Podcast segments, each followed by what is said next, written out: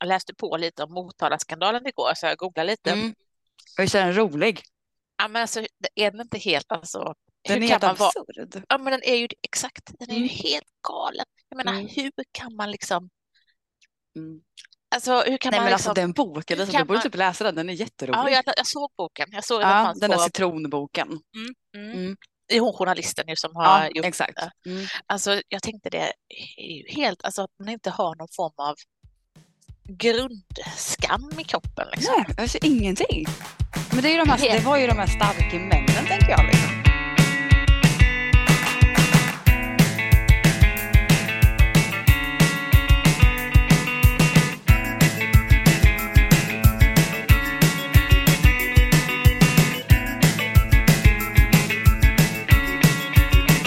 Hej Kristin! Hej Lisa! Hej! Här sitter vi igen. Ja, Nu är det dags för ett nytt avsnitt. kul.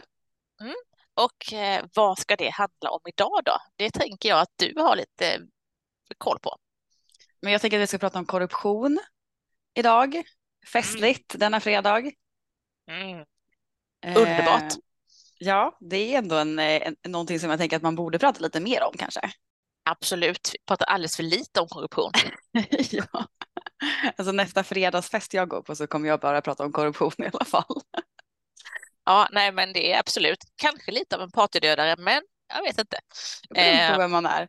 Mm. Eh, nej men jag, jag tänk, varför jag tycker vi ska prata om det, ja, det kom en, en, en, eh, en rapport från Statskontoret eh, nu i maj 2023 eh, Mm. där man presenterar en, liksom en uppdaterad lägesbild av eh, förekomsten av korruption, eh, korruptionsrisker och olika arbetssätt mot korruption i den kommunala sektorn.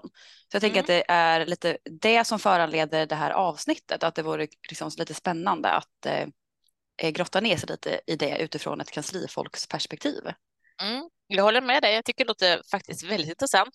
Men jag tänker kanske innan vi går vidare, den här eh, rapporten, eh, du kanske skulle kunna ge ett litet, ett litet smakprov från sammanfattningen så att våra lyssnare är med oss på banorna.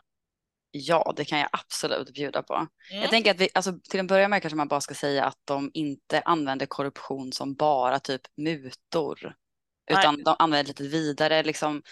Eh, nej men de använder sig av eh, definitionen av att utnyttja en offentlig ställning för att uppnå otillbörlig vinning för sig själv eller andra. Så det kan ju Mm. också då innefatta liksom mer än bara liksom mutor eller liksom klassiska liksom korruptionsgrejer.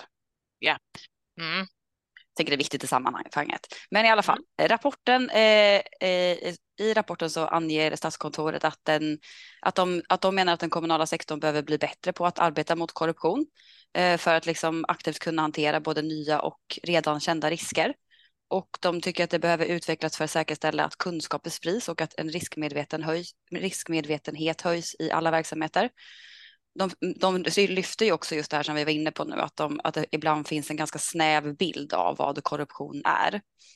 Mm. Vilket liksom riskerar till att man, att man missar problem som typ jäv och intressekonflikter, som ju också kan vara problem i, i den kommunala sektorn såklart. Eh, däremot så menar jag att det är ganska svårt att mäta och undersöka liksom, eh, förekomsten av korruption och att olika undersökningar ger olika bilder av hur vi ligger till i Sverige. Eh, men att vi, vi ligger ändå generellt ganska bra till utifrån det man kan se, men att vi har ändå tappat lite placeringar över tid. Och man menar att just jäv och vänskapskorruption är det som är vanligast snarare än liksom en mutor och eh, liksom o, eh, onajsiga erbjudanden. Ehm, och man bedömer att det finns ett ganska stort mörkertal, att det är mycket som inte liksom kommer fram eller kommer upp till ytan. Ja. Ja, det är väl en, en, en liten sammanfattning av den. Mm. Mycket intressant. Ja, men jag tänker precis som vi redan vet sedan tidigare så är det ju kanske vissa verksamhetsområden som är kända för att särskilt vara utsatta för korruptionsrisker. Mm, Och verkligen. jag tänker traditionellt finns ju de kanske inom, inom om vi pratar den kommunala sektorn, Mm, eh, inom teknisk förvaltning, eh, planbygg, kanske turism, jag tänker näringslivsfrågor, regional utveckling och såklart också mycket kopplat till upphandling och kanske inom bolagssfären. mm. Eh, jag tänker det är där vi har också sett eh, kanske de här skandalerna. Eh, Det är väl också åren. därför som det är så mycket mer, eller man mm. tycker, menar att det är mycket mer i kommun än stat, för att det är de här verksamheterna mm. är också extra utsatta, tänker jag. Verkligen. Eh, och detta är ju kanske inte då områdena som eh, kanslifolket klassiskt är inne på. Eh, utan, eh, men, men vi tänker ju ändå, eller hur, att eh, kanslifolket i allra högsta grad ändå kan komma i kontakt med, med detta. Eh, med ja, men hela det här området med ut och korruption och framförallt kanske jäv i samband med ärendehanteringsprocessen och i samband med politiska sammanträden. Att det finns ändå att kanslifolket också rör sig i där det här kan förekomma. Mm, exakt, men jag tänker att det, det, du säger är väl också själva eh, liksom den röda tråden i samtalet. Så här, vilka mm. utmaningar kan vi, kan vi som kanslifolk ställas inför liksom, i det här, i det här uh, i den här ärendeprocessen i relation till de här korruptionsdrabbade områdena. Liksom. Mm. Eh, så jag tänker att, vi, vi liksom, att det är det som vi ska ta oss an idag och också kanske då vilket ansvar som, som vi som kanslifolk har i relation till de här frågorna. Vad ska vi mm. jobba med i den här processen? Mm. Jag tycker det är en spännande och en viktig fråga att lyfta. Mm. Jag tror inte man gör det så ofta i kanslifolksammanhang, att man pratar just de här delarna. Nej, det tror inte jag heller, tyvärr. Nej.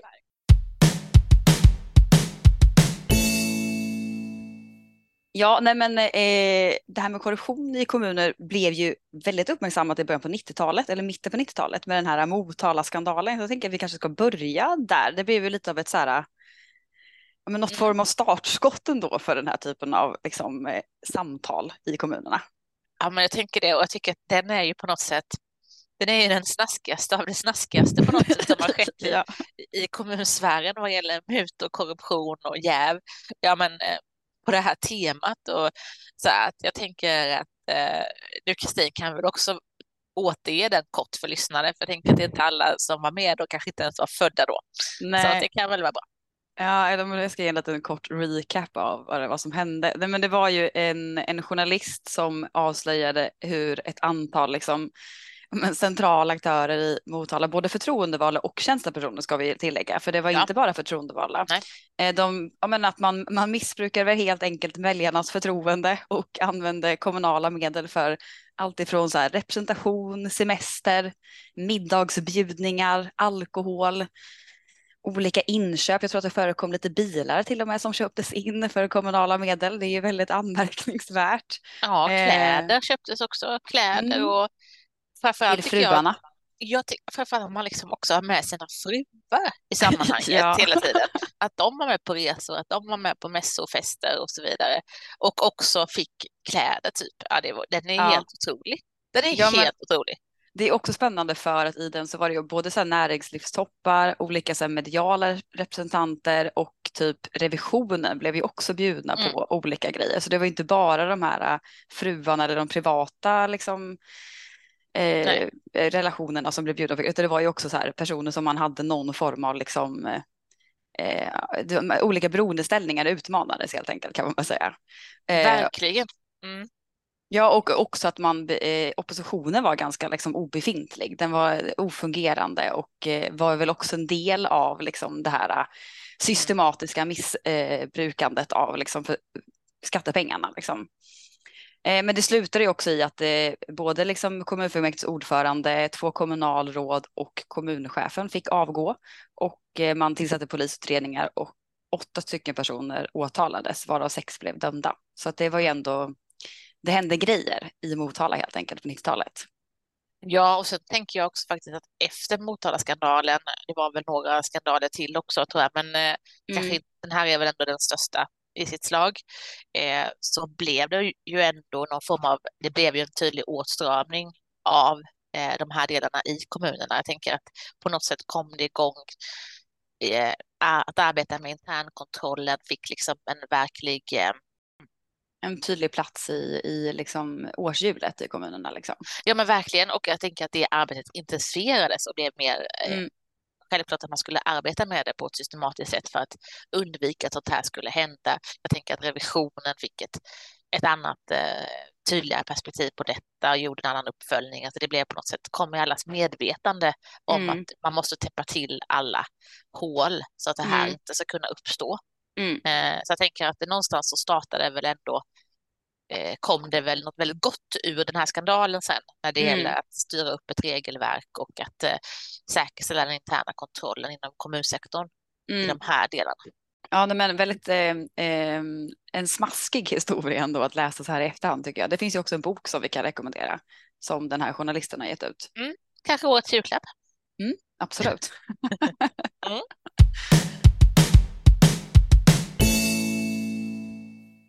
Men varför ska vi prata om korruption i kanslifolk, Kristin? Eh, egentligen. Kan Och man fråga sig. det kan man fråga sig, men vi tycker väl att det är viktiga frågor som kan påverka kommunens trovärdighet, eh, det politiska systemets legitimitet och själva den politiska ärendeprocessens olika delar. Och vi tycker faktiskt att här är det ju så att kanslifolket är en central del i den processen. Och som vi sa inledningsvis kan ju verkligen komma i kontakt med de här frågorna på olika Mm. sätt. Mm. Eh, och har också viss kunskap som behövs när man jobbar med regelverket runt det här, tänker vi. Mm, absolut. Och sen tänker jag också typ att kanslifolket är ju någon form av sambandscentral. Man får ju reda på väldigt mycket som kanslifolk. Det är ju, är ju liksom på något sätt förbi oss som mycket liksom passerar. Och då måste man ju känna sig eh, trygg, tänker jag, som kanslifolk i att det finns liksom strukturer på plats för vad, hur man ska agera och vad man ska göra när man får kännedom om att eh, ja, men så här, eh, olämpliga ageranden har liksom skett i kommunen. Mm. Och eh, precis som Statskontoret också skriver i sin rapport att det, det finns ibland en snäv bild av vad korruption är, vilket riskerar att leda till att problem som jäv och intressekonflikter missas. Eh, mutor kanske inte så vanligt, utan det är ju som sagt de här vänskaps, den här vänskapskorruptionen och olika former av intressekonflikter som, som är mer aktuell Mm. där det, det händer i, i Mm. den typen av eh, situationer. Och eh, viktigt att det finns en förståelse hos kanslifolket om korruption och vad det här handlar om. Mm, absolut. Men ska vi då prata lite om, tänker jag, vilka utmaningar också då som kanslifolket kan ställas inför? Jag tänker att man som nämndsekreterare absolut ställs inför eh, liksom, situationer som kan vara obekväma, precis som alla andra medarbetare, för att vi är ju också medarbetare, eller för den delen kanslifolket i övrigt kan ju också vara registraturen eller liksom andra funktioner inom kanslifolket. Absolut. Eh, men det som, eftersom att vi ändå ömmar lite mer för nämndsekreteraren och kommunsekreteraren så Mm. kanske vi ska ha det fokuset ändå, eh, Ja, tänker jag. tycker jag. Så då Mm. kanske man ska fundera lite på vilka utmaningar som kan vara specifika för just nämndsekreteraren och kommunsekreteraren i relation till olika korrupta ageranden. Liksom. Mm. Ja, men jag tänker att det kan ju eh, bland annat vara vid kontakt med handläggare som handlägger känsliga ärenden. Eh, det, kan komma, det kan ju förekomma tveksamheter och när man att våga påpeka då för en nära kollega att ja, det där kanske är ett tveksamt beteende. Och det är ju samma sak, tänker jag, i, re- i relation till politiken.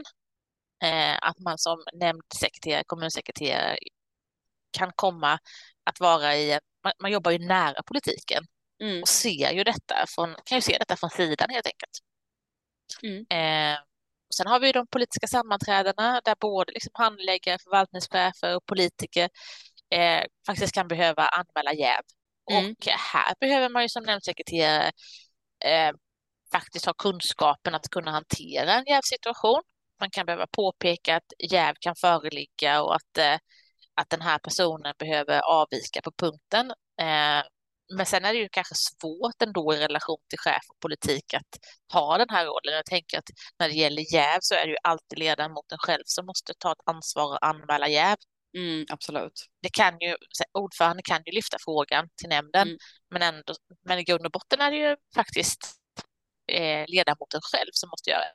Mm. Och sen kan man väl också säga att nämndsekreteraren i relation till, till politiken eh, när man pratar fördelar, till exempel om man, om man får fördelar för att någon är, eh, är kompis med någon och eh, med, med förtroendeval då exempelvis. Det kan ju uppstå gråzoner. Jag tycker att, jag tycker att kanske generellt det här, det är lurigt det här när det blir för tajt mellan tjänstepersoner och förtroendevalda. Alltså hur mycket ska man umgås på fritiden? Hur mycket ska Mm. man Ingenting. Nej, jag tycker ju inte det. Liksom. Jag, ty jag tycker det är svårt. För mig är det väldigt svårt att, att eh, skulle det vara otroligt svårt att ha en relation med en person som är förtroendevald som jag arbetar med och där vi har liksom ett väldigt tydlighet kopplat till våra roller. Men mm. visst, det är klart att, det är klart att, det, att man måste kunna umgås kanske och om man, det ska kunna hållas isär, det tror jag också. Mm. Men jag tycker att det, det blir lite problematiskt. Mm. Ja, och om man nu umgås så kanske man ska hålla det väldigt diskret liksom, och verkligen ja. vara noga med att skilja på det mm. privata och det, det är liksom ens professionella roll oavsett om man ja, är förtroendevald eller jag. tjänsteperson. Men jag håller med dig, jag tycker också att det, för mig är det jätteviktigt att hålla isär det. Jag är väldigt mm. så här, rädd mm. för att det ska kunna liksom uppstå situationer där jag kan bli ja, anklagad för fördelar eller att man på något sätt skulle, ja, på ett sätt som inte andra får exempelvis. Men jag kommer ihåg en gång när jag eh, jobbade i mina liksom, första liksom, stapplande steg i rollen som hemsekreterare. När jag fick, var på ett sammanträde när jag Eh, ja, men det, hade liksom, det hade varit mycket snack om olika nagellack med en av ledamöterna. Typ. Eh, och, och jag kommer ihåg att den, att den ledamoten kom, kom på ett sammanträde och hade med sig liksom ett, ett, eh, ett nytt nagellack som den inte ville liksom ha kvar för tyckte inte att färgen passade eller någonting liksom. Och skulle, och skulle ge det, det nagellacket till mig. Och jag vet att jag hade så otroligt mycket ångest efteråt för att jag hade tagit emot det där nagellacket och tänkte bara, men gud, eh, har jag liksom är det här typ så korruption eller kan, det liksom, kan jag liksom bli anklagad för någonting? Tänk om det blir stora liksom rubriker i tidningen dagen efter. Du vet. Alltså det, det, det tog jättelång tid innan jag liksom kunde släppa att jag hade tagit emot det här nagellacket. Ja, det känns ändå som att detta är en bagatellartad händelse i sammanhanget. Men ja. jag kan förstå känslan, verkligen. Ja.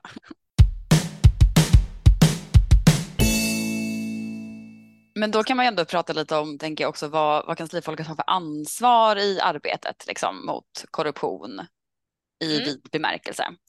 Eh, för det är väl också viktigt då, eller det är väl kanske själva huvudpoängen eh, i det här avsnittet. Så här, vad, vad, behöver vi då som kanslifolk egentligen göra eh, i det här arbetet? Mm. Um, och där tänker jag liksom om man, om man då relaterar det till den här Motala-skandalen som vi pratade om inledningsvis så var ju en av de grejerna som var väldigt tydligt där att de hade, eh, det var ju ett tajt liksom umgänge mellan eh, politik och förvaltning, alltså och mm. även politik och typ eh, eh media och liksom näringsliv och så vidare. Eh, och det, på något sätt så saknades ju liksom någon form av gränslinje mellan politik och förvaltning, tänker jag, i den, mm. i den liksom skandalen. Och, jag tänker precis det, och jag tänker det vi pratade om innan då, precis det här med eh, vänskapsband och relationer. Mm, precis. Ja, men det, För här blir... blev ju den gränslinjen problematisk.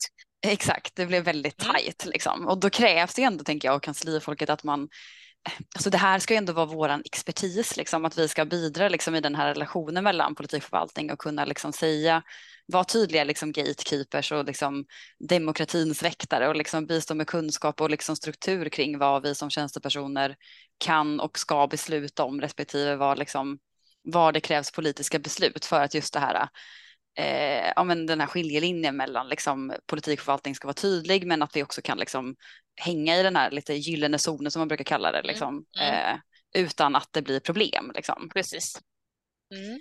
Sen var det väl ytterligare en grej som jag tänkte på. Det var ju väldigt tydligt att det fanns en, en gammal stark man liksom i Motala, eh, Motala kommun här va? och att som var väl lite halvt en enväldig härskare liksom.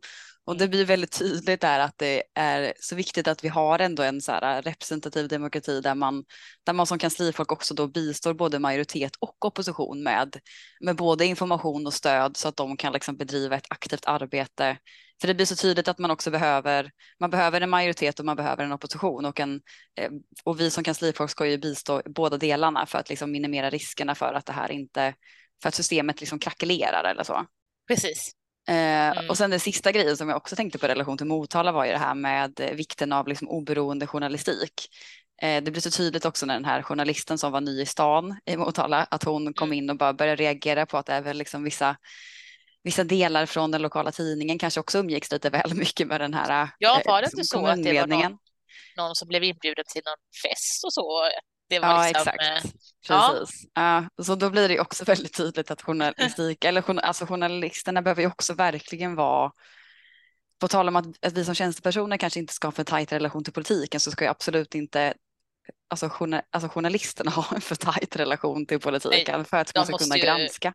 Ja, precis. De måste ju verkligen bara befinna sig i sin granskande roll och det tycker jag att man känner om man relaterar till idag att eh, det är tydligt.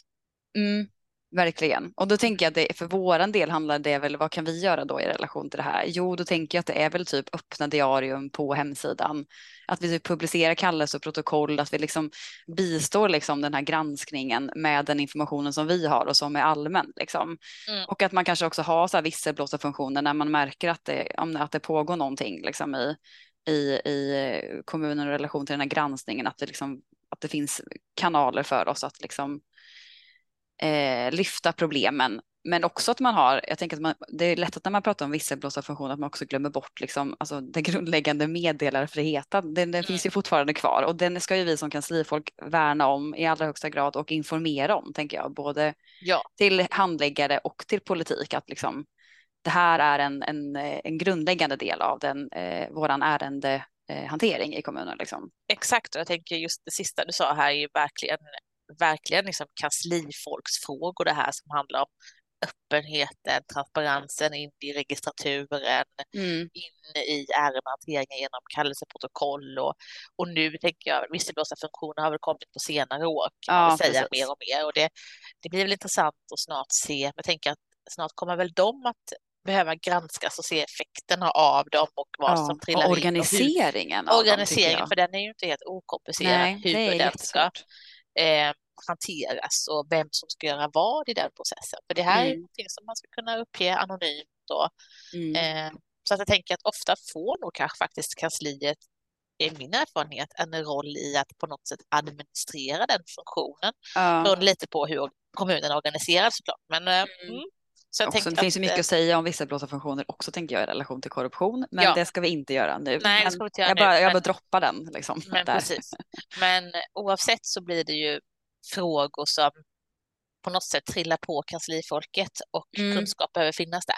Verkligen. Men jag tänker det måste finnas, det finns ju annat ansvar utöver det här. För det här det var ju sånt som jag tänker relatera till liksom, Motala-skandalen. Man kan säkert relatera mycket till, alltså mycket mer till den. Men jag tänker att det finns väl vi kanske ska prata lite mer om vilket ansvar mm. som kan finnas för kanslifolket i de här frågorna. Mm. Och jag tänker att det finns ju många fler delar. Bland annat har vi ju inte lyft detta med exempelvis beredning av reglementen till nämnderna. Där har ju kansliet en otroligt central roll i det arbetet. Oftast tänker jag, det beror väl lite på vad, hur kommunens storlek och eh, hur, hur man organiserar det så, men jag tänker att ofta trillar det på kansliet på något sätt mm. att vara involverad i det arbetet. Och då krävs det att man är uppmärksam på hur man hur olika ansvarsområden placeras. Jag tänker oftast är det ju kanske det är ju politiken som på något sätt bereder den politiska organisationen och hur det ska se ut och där behöver kanslifolket bistå med mm. kunskap om lagstiftningen om hur vi får organisera oss som, Exakt. som kommun och eh, hur myndighetsgränserna måste se ut. Mm. Eh, och där kan man väl särskilt då lyfta fram den generella principen att kommunal drift av en verksamhet inte får ligga i samma nämnd som tillsynen av samma verksamhet. Mm. Det kan ju vara alltifrån tillsyn eh, av brandfarliga varor och annat. Eh, Nej, och typ miljöfrågor är väl också Miljöfrågor och, och likadant med bygglov till exempel. Mm, exakt. Det är ju en del. Och att eh, en nämnd inte får bestämma om rättigheter och skyldigheter för kommunen i ärenden, men nämnden också företräder kommunen som part. Det är ju mm. också en Precis, viktig del. Mm. Eh, och det har man ju ofta delat upp, men förvaltningen kanske ibland ändå är en och samma förvaltning. Mm. Och då mm. kan det ju vara att man bygger in liksom en, en, att det finns det finns en risk för att man bygger in jäv i själva förvaltningsstrukturen. Mm. Och här det... kan ju också vi som förvaltning behöva vara tydliga och liksom uppmärksamma när vi gör organisationsförändringar. Så Verkligen. att vi liksom inte just bygger in jäv i förvaltningsstrukturen utan vi försöker liksom att ändå ja, att vi försöker skilja på det även liksom i eh, förvaltningsbiten. Liksom. Ja, och som sagt var, här, är, här vill jag påstå och hävda att eh, det är kanslifolket ofta om, säger, finns det inte kanske en juristfunktion i kommunen och det gör det faktiskt inte i särskilt många kommuner om vi pratar våra 290 eh, så blir det ofta att de här kommunalrättsliga frågorna landar in på kansliet. Ja. Så eh, det är tvunget att man är uppdaterad här. Mm. Det är kul också, så ta ja, den Det är ju jätteroliga frågor, så jag tänker att det, det känns liksom som kvalificerade arbetsuppgifter som man verkligen vill ha. Mm. Mm. Eh, och det blev också, tänker jag, väldigt logiskt och per automatik eh, naturligt att eh, när det gäller nyvalsutbildningar för politiken så blir det kansliet som, som håller i dem och, och behöver kanske också lyfta in frågor om de här delarna. Jag tänker mm. framför allt jäv exempelvis. Mm. Eh, och eh, hur exempelvis detta, de här kommunalrättsliga principerna om hur man får organisera sig för att eh, undvika att situationer uppstår som är otillbörliga. Mm. Eh, så att, eh, och likadant tänker jag att i, vi har ju pratat om det så många gånger, när det gäller kanslifolket och eh, dess stru strukturkapital. Mm. Eh, och likadant här då, gärna en ärendehandbok där faktiskt korruption och jäv eh, nämns. Mm. Eh, och hur man ska agera. Mm. Mm. Ja, sen tänker jag också typ att eh, jag tänker de förtroendevalda, det, ofta brukar man ju, eller SKR har ju kommit med ganska mycket liksom, input på att de tycker att man borde utarbeta riktlinjer för trakasserier, hot och våld mot förtroendevalda. Det är ändå någonting som tyvärr liksom börjar bli mer vanligt runt om i liksom, kommunsverige. Och mm. det är också sånt som faktiskt i grunden kan liksom leda till eh, korruption den typen av liksom, eh, händelser. Så därför tänker jag att det är viktigt att man också som kanslifolk ser till att det finns den typen av riktlinjer på plats i kommunen. Eh, så att man kan ha ett aktivt arbete mot den typen av situationer. Mm, verkligen. Så sammanfattningsvis kan man ju säga att det är verkligen kanslifolkets ansvar att skaffa sig kunskap om de här frågorna. Och hur gör man det? Det är klart att det finns ju, finns ju väldigt mycket att läsa sig till och genom omvärldsbevakning. Det finns ju bra litteratur. Eh, SKR tänker jag har mycket information här och det finns ju även andra eh, organisationer och eh, ska man säga, myndigheter som lyfter de här delarna. Eh, men också att man kanske faktiskt aktivt pratar om det eh, mm. inom kanslifolket, alltså på arbetsplatsträffar, olika möten man har internt. Eh, för att liksom hitta och kunna identifiera och diskutera de här gråzonerna som kan uppstå. Mm. Och där kan man ju vara så pass, eh, göra det med så pass finess att man exempelvis kan testa olika dilemmaövningar och så vidare. För det här är ju svår, svår, svåra saker. Mm. Jättesvårt. Tänk bara på mm. mitt nagellack. Mm. Du blev ju väldigt ställd bara i den situationen och den, den är ju uppenbar att den är ju helt harmlös. Du kan ju verkligen ta emot det där nagellacket. Ja, men det jag. där är ju det som, det är som du säger, det är verkligen det är små sakerna som är det svåra och därför behöver man verkligen mm. prata om det på, med sina mm. kollegor. Liksom. Men sen skrev också Statskontoret i sin rapport att eh, ja, men de belyste verkligen vikten av att analysera vilka risker som kan uppstå. Jag tänker att det är det som vi är lite inne på nu, att man att man, får, att man ska lyfta liksom, sen var ju det här med nagellack en jätteliten sak i sammanhanget. Det finns ju större risker att analysera och liksom prata kring, men, men att man, det är viktigt att man gör det i kommunen i stort, liksom, både det stora och det lilla och att man också gör det på, inom respektive enhet för att man också ska kunna Eh, bygga upp ett, liksom, eh, ett strukturkapital utifrån vilka risker som faktiskt finns i den egna organisationen och den egna verksamheten. Och där mm. kan det också vara viktigt, tänker jag, att som kansli att man kanske är inblandad i fler verksamheters analyser av riskerna för att vi ju har ja, men den här politikförvaltningsexpertisen i, i, i, inom kansliets häng. Liksom. Mm. Eh, och sen så ska ju de här riskerna såklart också inkluderas i någon form av intern kontrollplan tänker jag för, ja. för nämndens verksamhet såklart. Liksom. Även om det här helhetsansvaret ändå ligger på ledningsnivå så tycker jag ändå att kansliet är en viktig funktion i, den här, i det här arbetet och borde mm. liksom ta, axla den rollen tycker jag. Ja, och, och som du säger det här med internkontrollplanen. Jag tycker att varje internkontrollplan som upprättas och fastställs av nämnden ska ju föregås av en eh, omfattande riskbedömning. Mm. Och, och, då ska ju korruption inkluderas i det. Liksom. Ja, jag tänker att man delar upp det i olika typer av risker och när vi pratar om de förtroendeskadliga riskerna så ligger ju delar som korruption exempelvis. Exakt. Så, att, eh, och, så det, det måste ju bara finnas med, tycker jag. Mm. Men också kanske då utöver det vi har nämnt så även riktlinjer mot korruption ut, utifrån organisationens storlek och hur man har organiserat sig. Men men eh, ansvaret för att upprätta riktlinjer kring korruption kan ju faktiskt hamna på en kanslifunktion. Mm. Så där, därför behövs det finnas kunskap hos kanslifolket.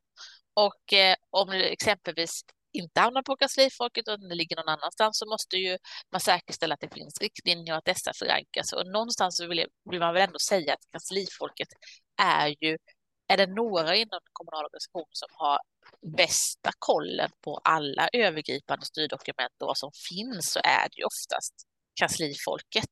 Ja, Jag tänker att man sitter på någon form av författningssamling exakt. eh, och kanske eh, de som också uppdaterar och ser till att den är aktuell. Mm. Eh, så att eh, det är någonting att vara medveten om att, eh, att riktlinjer ska finnas på det här området. Mm. Exakt. Men också kan man väl säga att Statskontoret skriver ju faktiskt att det kan vara bra att anpassa de här riktlinjerna utifrån verksamhetens särart och säkerställa en bredare definition av korruptionen, kanske bara mutor. Eh, och här har väl Statskontoret, vad jag förstår det som, uppfattat någon form av kunskapslucka, att det faktiskt finns en sådan. Mm. Och att eh, riktlinjerna inte bara handlar om hur man, de får ju inte bara handla om hur man upptäcker korruption och annat löst, om man säger så, kring att korruption är fel, utan de ska också tydliggöra hur man går tillväga vid upptäckten av olika oegentligheter. Det måste ju vara tydligt. Ja, det är också, tänker jag, som klassiskt att man ofta har liksom, riktlinjer, oavsett om det är korruption eller annat, för liksom, det här får man inte göra, men att man missar detaljen om, okej, men när, när man upptäcker saker, hur gör man då? Typ? Det praktiska, liksom, vägledningen för den enskilda. Mm. Liksom. Mm. Man blir ju utsatt som i medarbetare, tänker jag, när man upptäcker korruption. Då ska det finnas en väldigt tydlig struktur, för det kan ju också vara så att en- ens egna chef till exempel är inblandad, då måste man ju verkligen känna sig trygg i Ja, att så här, Vad gör jag då?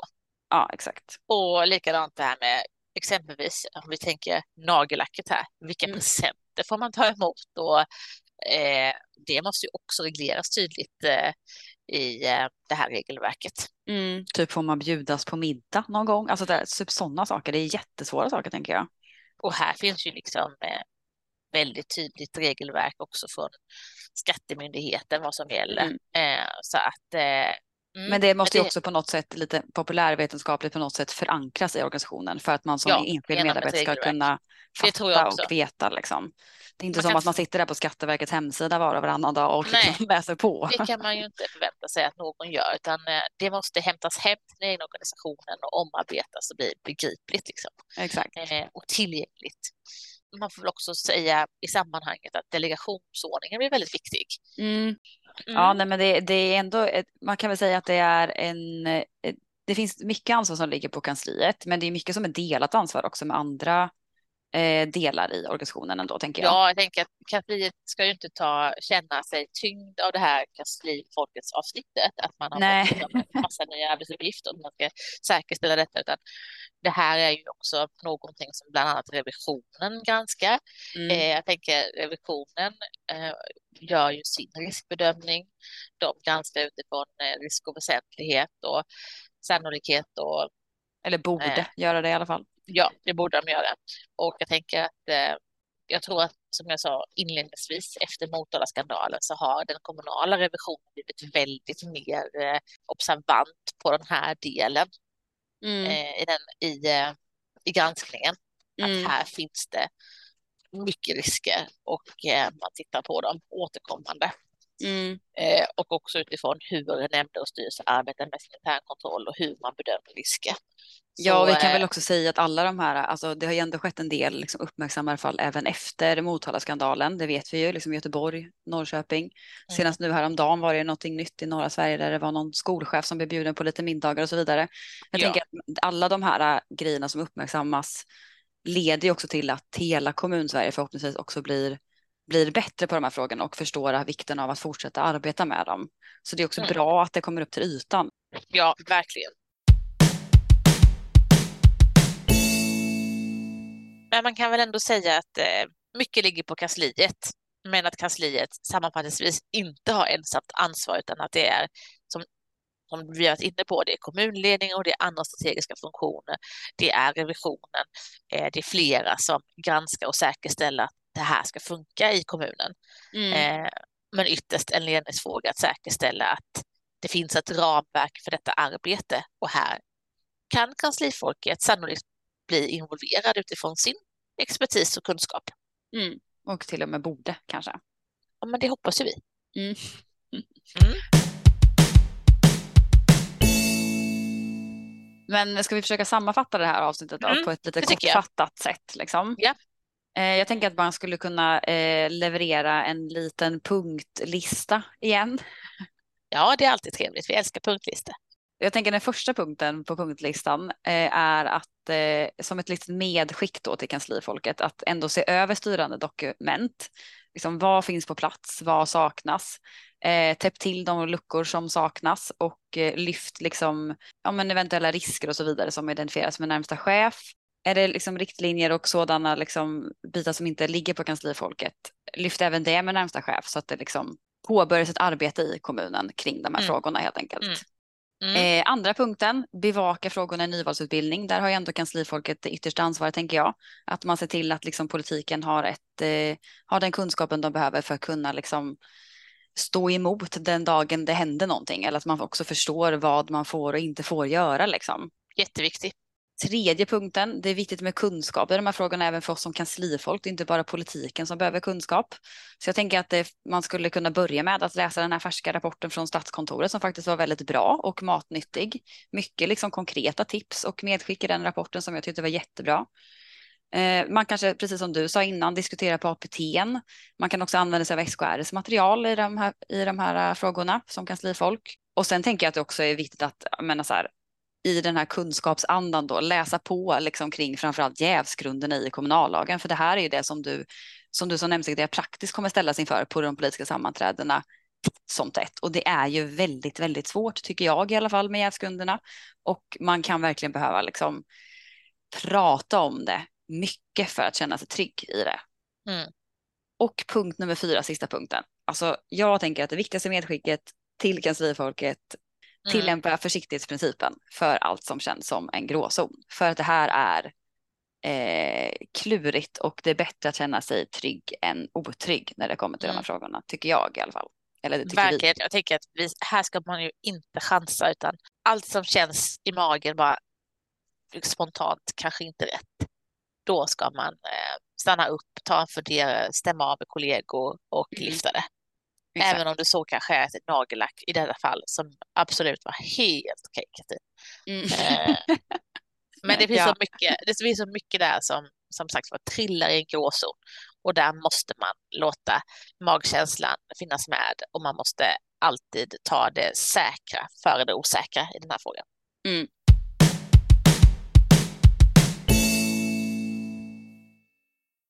Då har vi kommit till momentet frågelåda. Mm. Och eh, den här veckan har vi plockat fram ytterligare en fråga från en av våra lyssnare som vi gärna svarar på. Och jag tänker att eh, jag ska ställa den nu och Kristin, du ska få börja med att svara för det är en rätt så vid och bred fråga den här gången. Eh, och den lyder så här. Föredrar ni en centraliserad eller decentraliserad nämndorganisation? Eh, oj. Vad ska man börja? Nej, men jag, jag föredrar ju en centraliserad nämndorganisation.